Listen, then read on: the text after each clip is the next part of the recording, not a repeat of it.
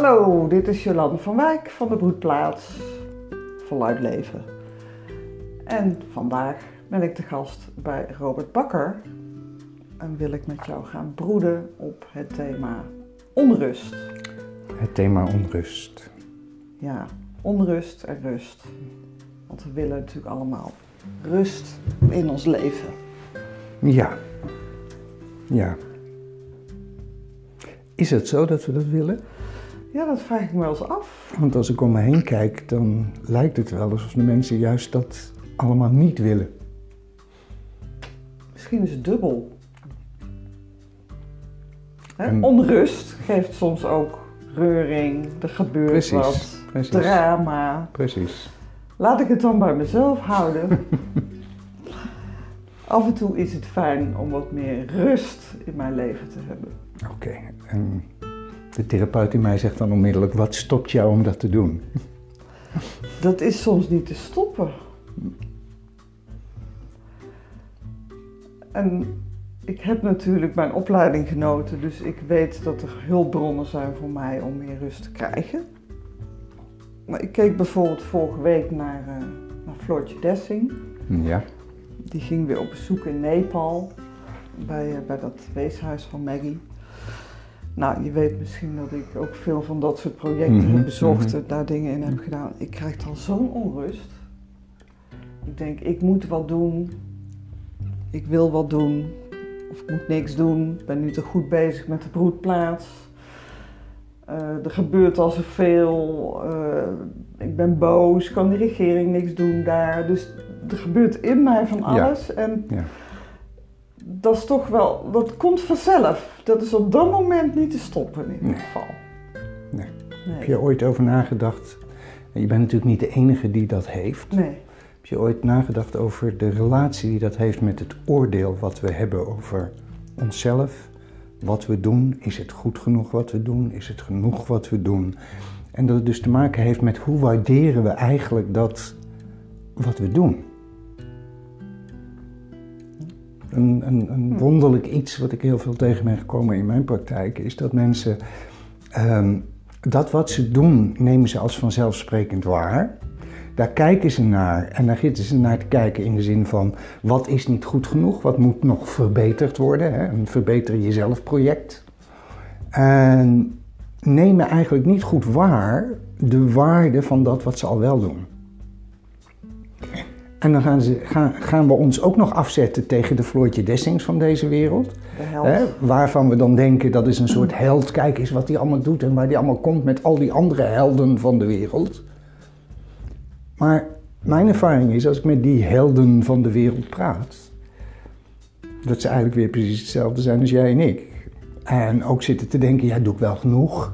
Eh, had ik niet eigenlijk nu geld moeten gaan halen bij eh, hoe kom ik met mijn financiering rond? Dat doe ik niet goed. Of verzin maar.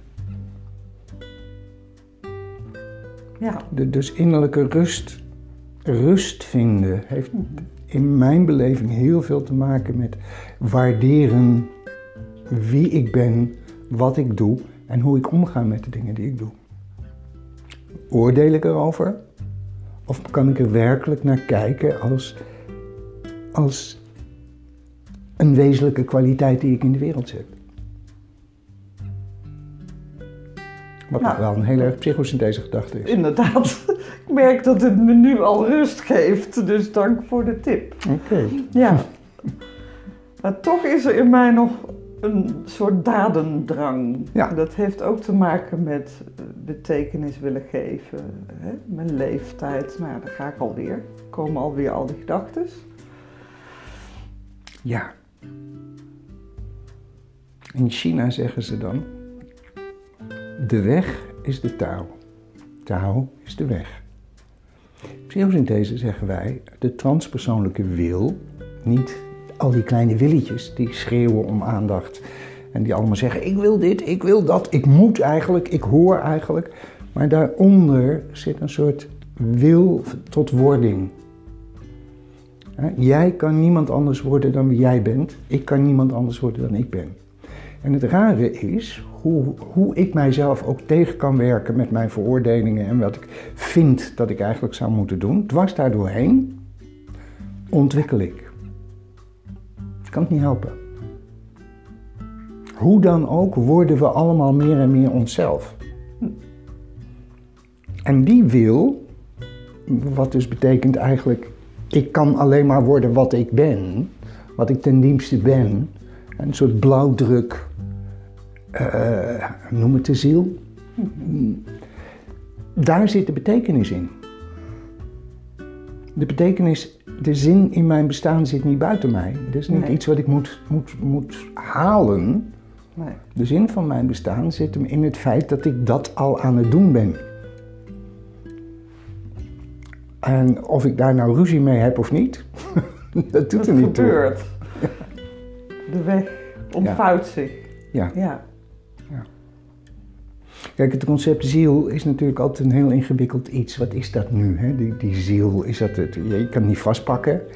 Uh, daarom hebben we me op een gegeven moment denk ik ook maar uitgegooid. Hè? Zo van, nou ja, oké, okay, Freud die had het dan over een ego. Dat kunt dus een stuk makkelijker te behappen. Hè? Dat gaat aan regeltjes, voldoet dat, enzovoort, enzovoort. Echter, je, je kan de beleving van het leven kan ik niet vastzetten in een DSM-classificatie, een karakterstructuur, uh, een, uh, een ego-construct. Mijn beleving is iets anders. Wanneer beleef ik mijn leven nou als zinvol? Dat is een totaal andere beleving dan doe ik het wel goed genoeg? Ben ik wel genoeg aangepast? Pas ik in deze samenleving? Uh, ik zou eigenlijk nog een opleiding moeten doen en noem maar op. Hoe hoog leg jij de lat? Dus, dus, dus, even terugkomen, dat woord ziel um, staat voor mij heel erg voor die beleving van, van, van uh, mijn diepste bestaan of mijn diepste zijn. Als ik werkelijk heel stil word en nog stiller dan stil word, dan blijft er nog steeds iets bestaan. En dan is er nog steeds een wil, dan is er nog steeds iets wat in dit leven iets wil neerzetten. En dat gaat voorbij aan, ik moet een goede trainer zijn, ik moet een goede eh, therapeut zijn. Ik moet nu een, een, een, een goed gesprek hebben. Snappen mensen wel wat ik zeg? Gaat dat wel goed?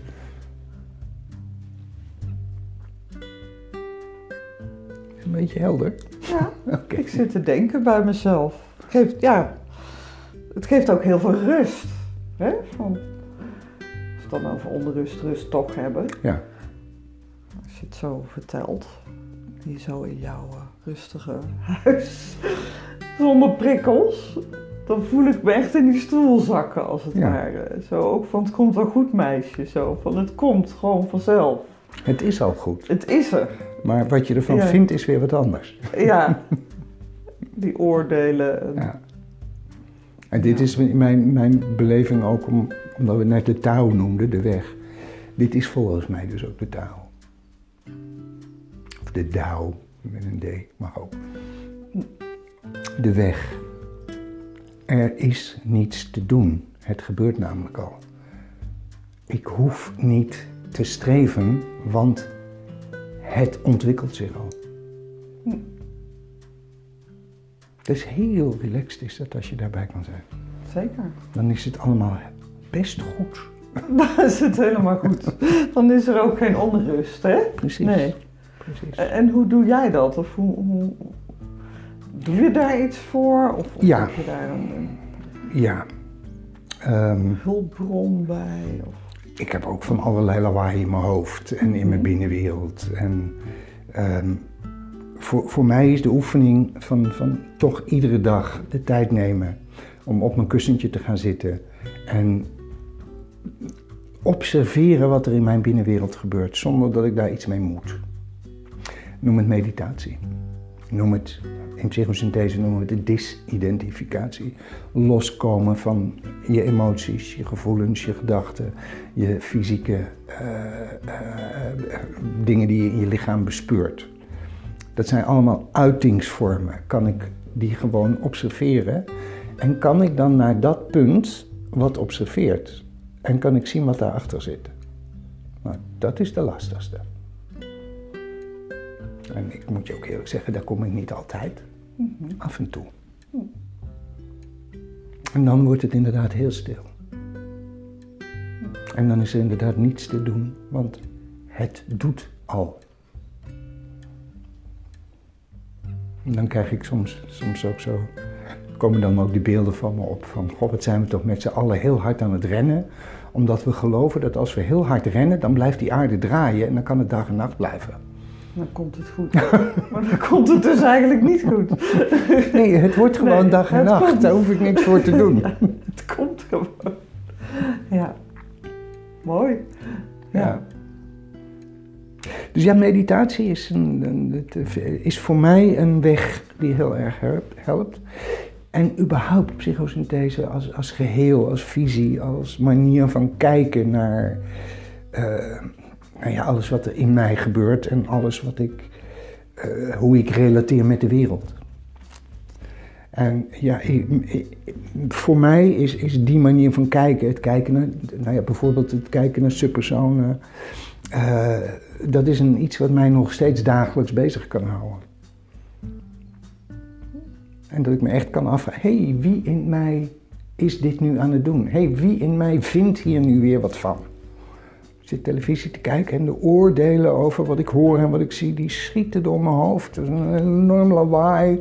Oh, ben ik helemaal mee eens. Oh, daar ben ik het helemaal niet mee eens. Oh, is dat voor een vervelend iemand?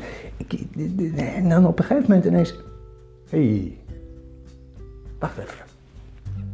Wie in mij is nou weer zo heel hard bezig om hier iets van te vinden? Mhm. Nog een stapje verder. Wat levert het me op om hier weer wat van te vinden? Wat, wat bevestig ik dan in mijzelf?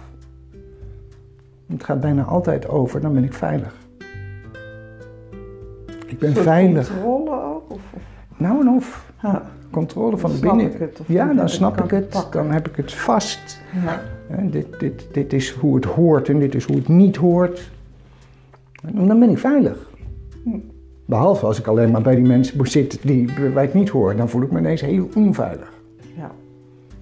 En dit, dit, deze dynamiek van, van veilig onveilig, die zie je overal. En dat is natuurlijk ook verbonden met rust en niet rust. Een veilige plek word ik rustiger dan in een onveilige plek.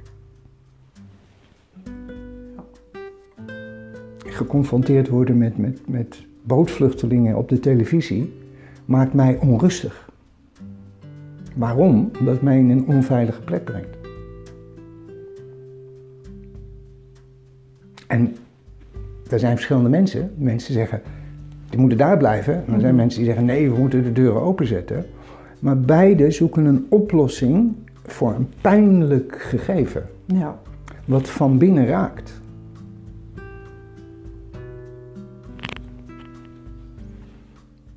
En dat kan dus rust geven door er een oordeel over te hebben. ja. Oké, nou weet ik hoe ik me hiermee moet verhouden. Ja, Vink. precies. Ja. Hoeveel heb ik nog in mijn portemonnee zitten? Kan ik het afkopen? Eh, ja, oké. Dat creëert misschien rust. Ja. Tijdelijk. Tijdelijk, hè? Tijdelijk. Ja. Ik ken ook wel eh, momenten van onrust die mij een stap verder in mijn leven hebben gebracht. Ja. Op mijn weg dan, hè? Ja. Waar ik echt wel voelde van, nou, dit, dit ontvouwt zich. Dus niet het moeten. Ken jij dat ook? Ja. Dat, dat, je, dit- ik kom ik weer even met het begrip ziel. Je zou Mhm. kunnen zeggen dat, dat mijn innerlijke blauwdruk, mijn, mijn, mijn ziel, heeft ook een, wil zichzelf in expressie brengen in deze wereld. En de omstandigheden waarin ik leef, geboren ben, eh, kunnen ervoor zorgen dat ik dat tegenhoud. En dat is een ander soort onrust. Dat is, dat is ook een diepe, maar dat is een, ja, je zou, ik gebruik het woord diep. Het is een diepe onrust. Het is een onrust waar je ook niet, die kan je niet afkopen. Die loopt heel lang met je mee. En soms heb je hem een tijdje kwijt, hè, omdat eh, eh, ga leuk op vakantie, ga leuke dingen doen, dan hoef Ja. ik er even niet bij te zijn. Maar ergens diep van binnen voel ik hem altijd. Maar dat is een ander soort onrust. Dat is een onrust die is niet oordelend. Ik denk daar zit het grote verschil. Er zit, dat is een onrust van iets dat wil zich, in, wil zich ontvouwen. Ja, dat ken ik. En dat is iets anders dan die onrust die ik voel als ik iets vind ergens van. Want als ik iets vind ergens van, wil ik het oplossen. Terwijl deze onrust vraagt veel meer om opzij te gaan, zou ik maar zeggen, met al die oordelen en meningen en alles wat ik vind. Want dan gaat het ineens gebeuren. Mhm. En je ziet dat in, in, in therapie, kan je dat ook heel mooi zien. Dat, dat ehm, als mensen aan, aan het werk zijn, als ik zelf aan het werk ben, eh, de keren dat ik zelf de, de, bij mijn supervisor of therapeut ben.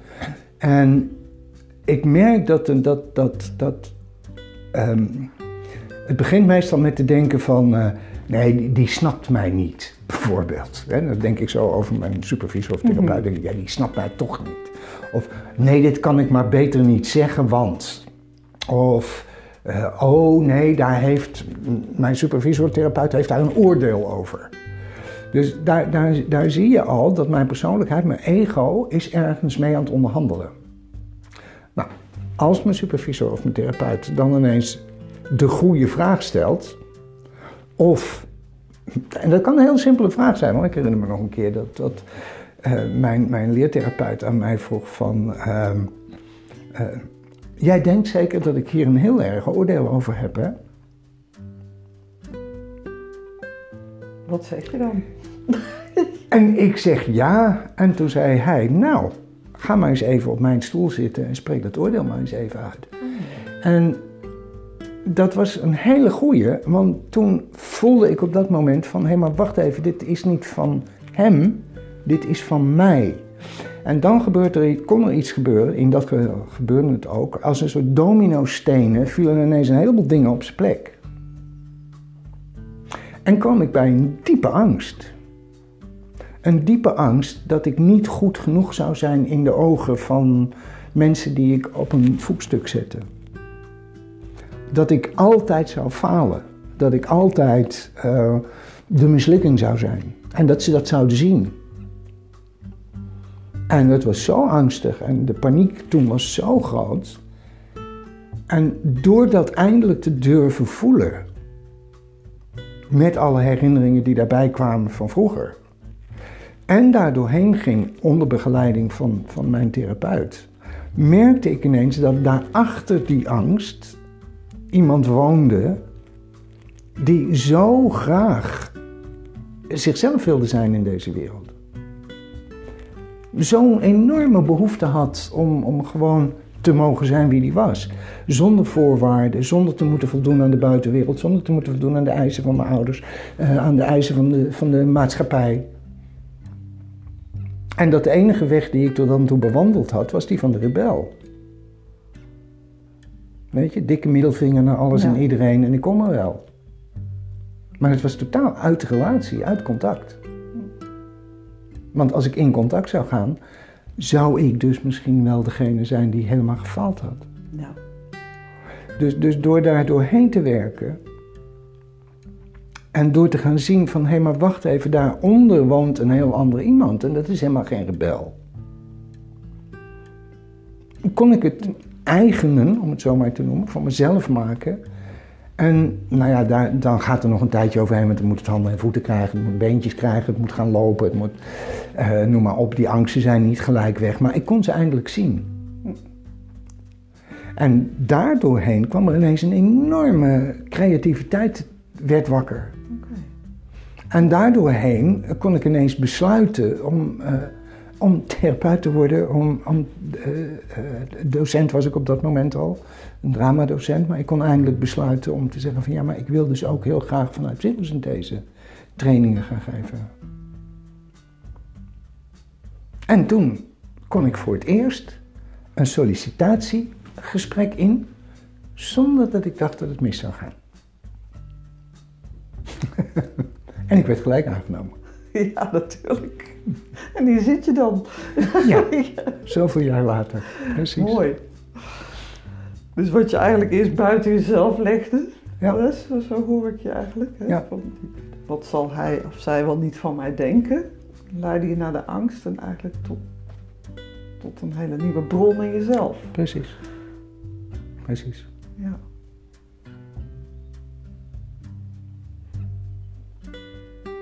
Geeft je dat rust of onrust? Eh, Gaf of geeft? Gaf eigenlijk, want nu zit je hier heel rustig. Eh, dat. Ja, dat is.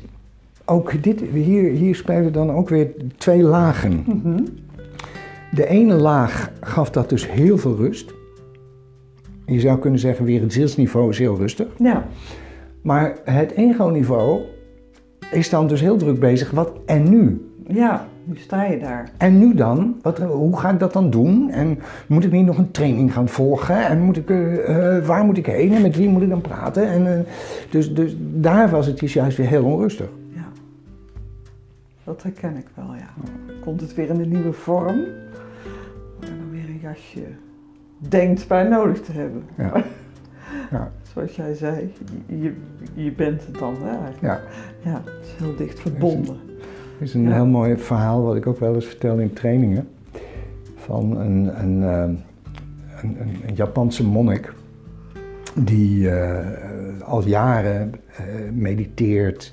Van de ene school naar de andere school, eh zenschool gaat om, om nog dieper en meer. En, maar hij, hij, hij bereikt die satori of verlichting, die bereikt hij maar niet.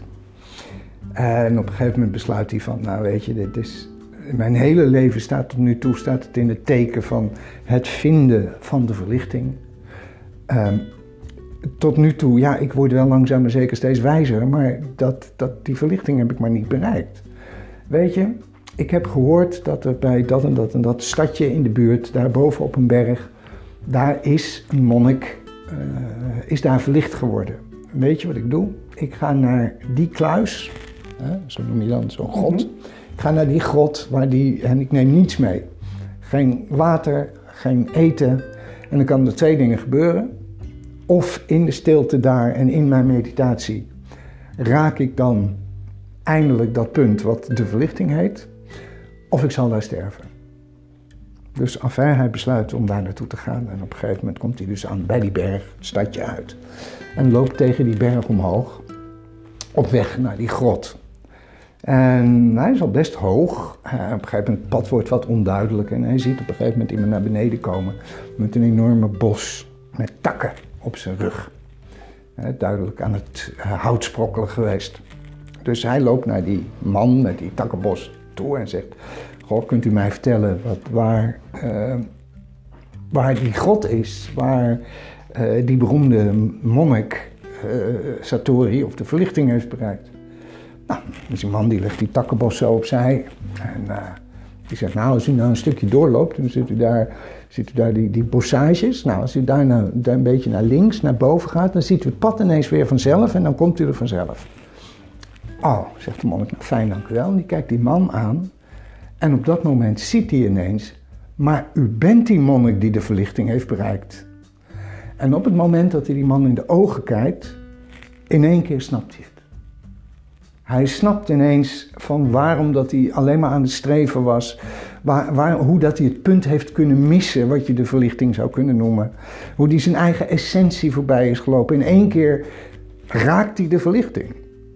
En op dat moment dat dat gebeurd is, is hij helemaal verbaasd en vraagt aan die man met de takkenbos: En nu?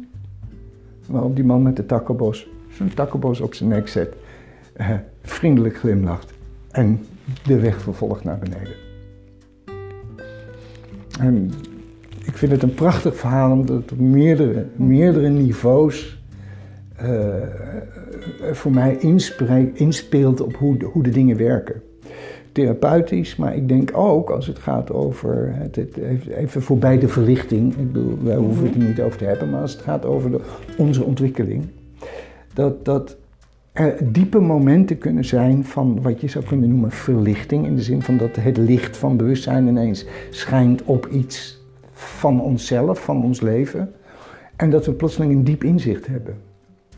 Maar daarna moeten we aan het werk Met die takkenbos. Ja. Want, dan zijn we er nog niet. Nee. Nee, Ik denk daar, daar, is, daar, daar is in mijn, mijn beleving, de, de psychoanalyse bijvoorbeeld, eh, heeft daar ook in, in zijn essentie een puntje gemist. Ja, je kan, je kan een diep inzicht hebben in waar iets vandaan komt en ineens snap je het en je hebt dan dat moment van, van ah, zo zit het. Maar de volgende stap is, hoe geef je het handen en voeten? Ja. Want het inzicht kun je eindeloos blijven herhalen.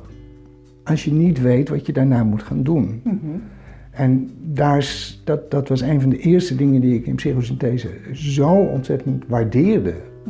Dat was dat hele concept van de wil. Dat, je, dat niet alleen het diepe inzicht is van belang, maar het is ook van belang om dan een weg uit te stippelen. Om te kijken hoe je dat dan vorm gaat geven in de wereld.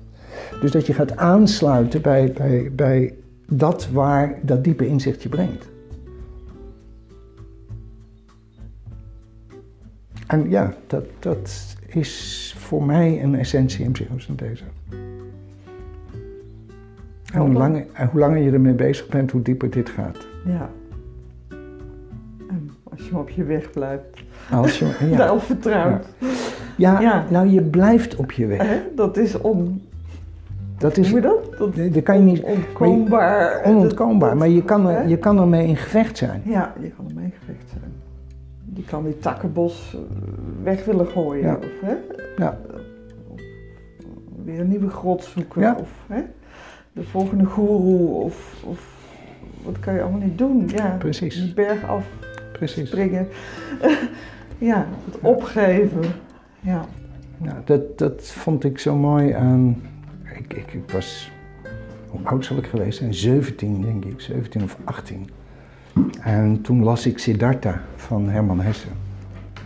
En het is altijd, is altijd bij me gebleven. Dat, dat, en dat, hoe, hoe, hoe ouder ik word, hoe, hoe, dieper dit ook.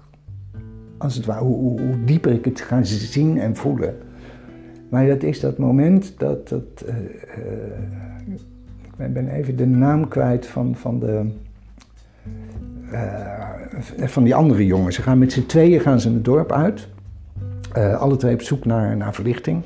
En ze lopen langs een aantal goeroes. En op een gegeven moment komen ze bij één goeroe. En de, de ene jongen die blijft.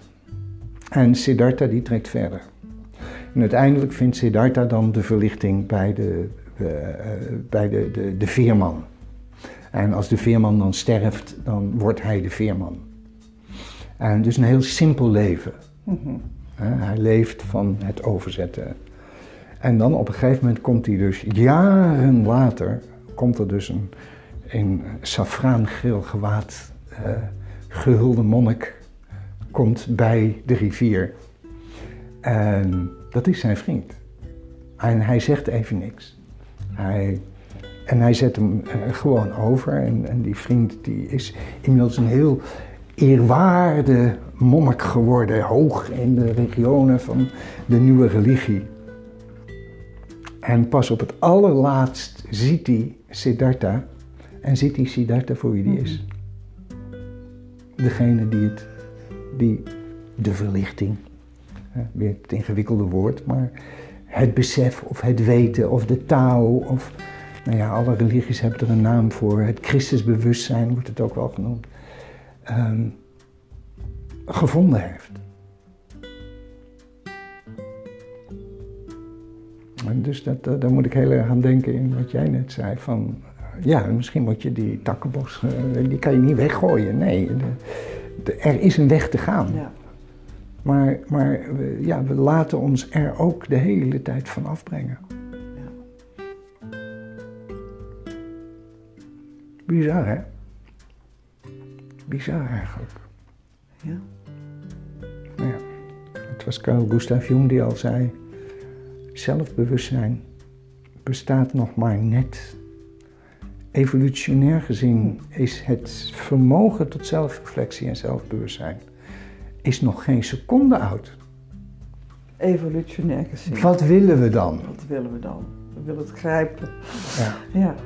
Dit zal nog in de evolutie nog een hele lange weg te gaan hebben voordat de essentie van wat het betekent om, om dit te kunnen wat wij kunnen in meditatie, dat wij onszelf kunnen bestuderen. Dat is natuurlijk een heel bijzonder iets. Ja. Maar het is nog vrij jong. Dus ja, een, een ademhaling, evolutionair gezien, een ademhaling geleden leefde Boeddha.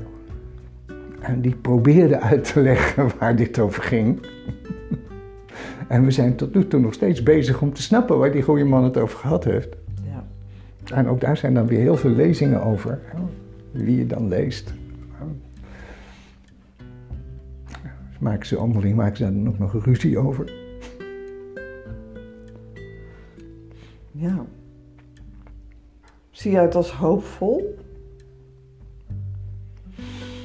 Mm, Althans, laat ik het zo zeggen. Kan iedereen een, een glimp. ja. Ja. Ja. Ja. Is voor iedereen weggelegd. En sterker nog, ik denk dat iedereen het meemaakt. Mhm. Maar het is zoals met zoveel dingen, als ik een beestje geen naam weet te geven, heb ik er geen referentiekader mee. Ehm, als een bloem een ding is wat uit de grond komt, dan is een sneeuwklokje en een margriet precies hetzelfde. Want het is een bloem. Ja. Maar, maar wil ik werkelijk kunnen genieten van bloemen, mo- moet ik onderscheid maken. En in het onderscheid maken moet ik een naam geven. Daarmee doe ik twee dingen. Ik doe het tekort. Want daarmee kan ik het ook weer heel snel disqualificeren. Ja. Maar tegelijkertijd kan ik het onderscheid leren maken. En dat kan weer een verdieping geven. Dus waarbij de ene zegt van ja, dat zijn bloemen. Maakt de ander daar een levenswerk van. Ja. Van bloemen.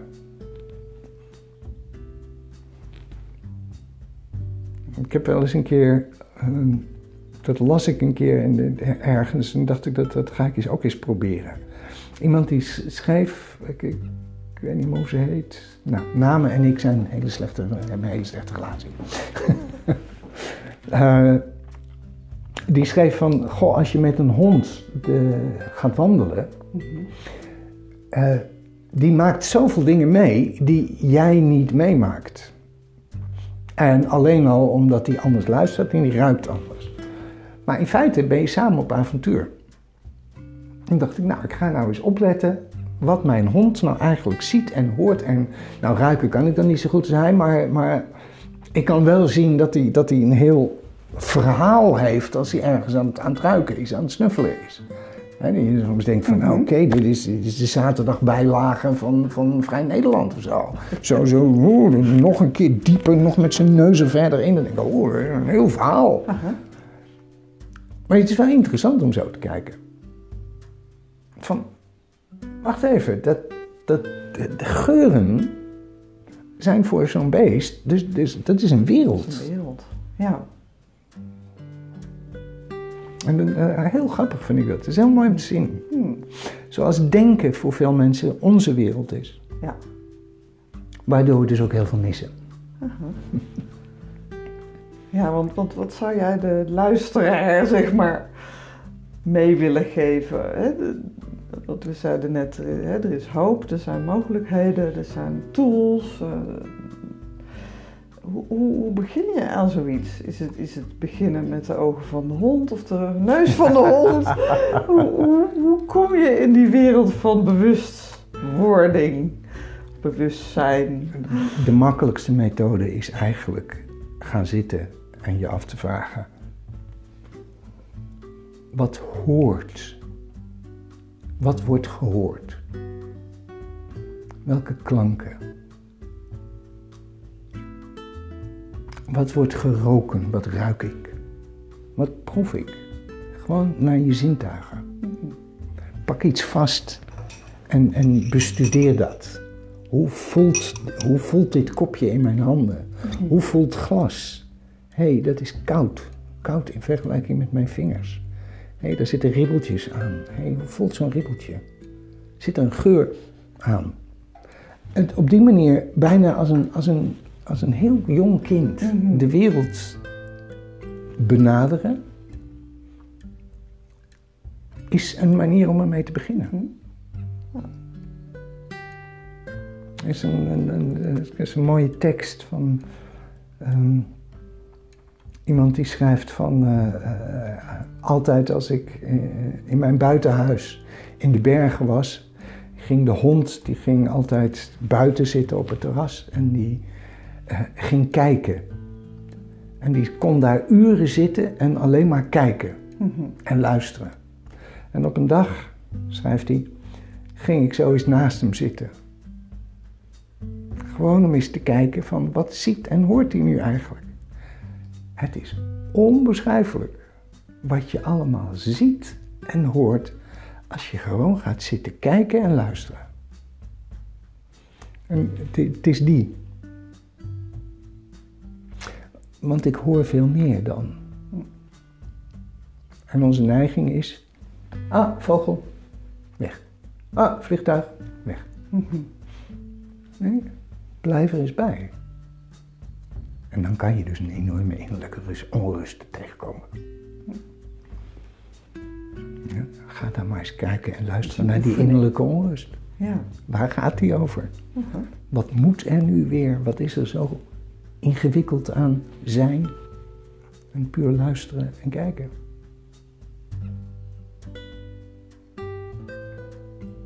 En daarna komt afwas. daarna komt de takkenbos. En, die moeten we, en dan moeten we weer verder. door. Het lijkt me een mooi einde. Dat is oké. Dank je wel. Graag gedaan.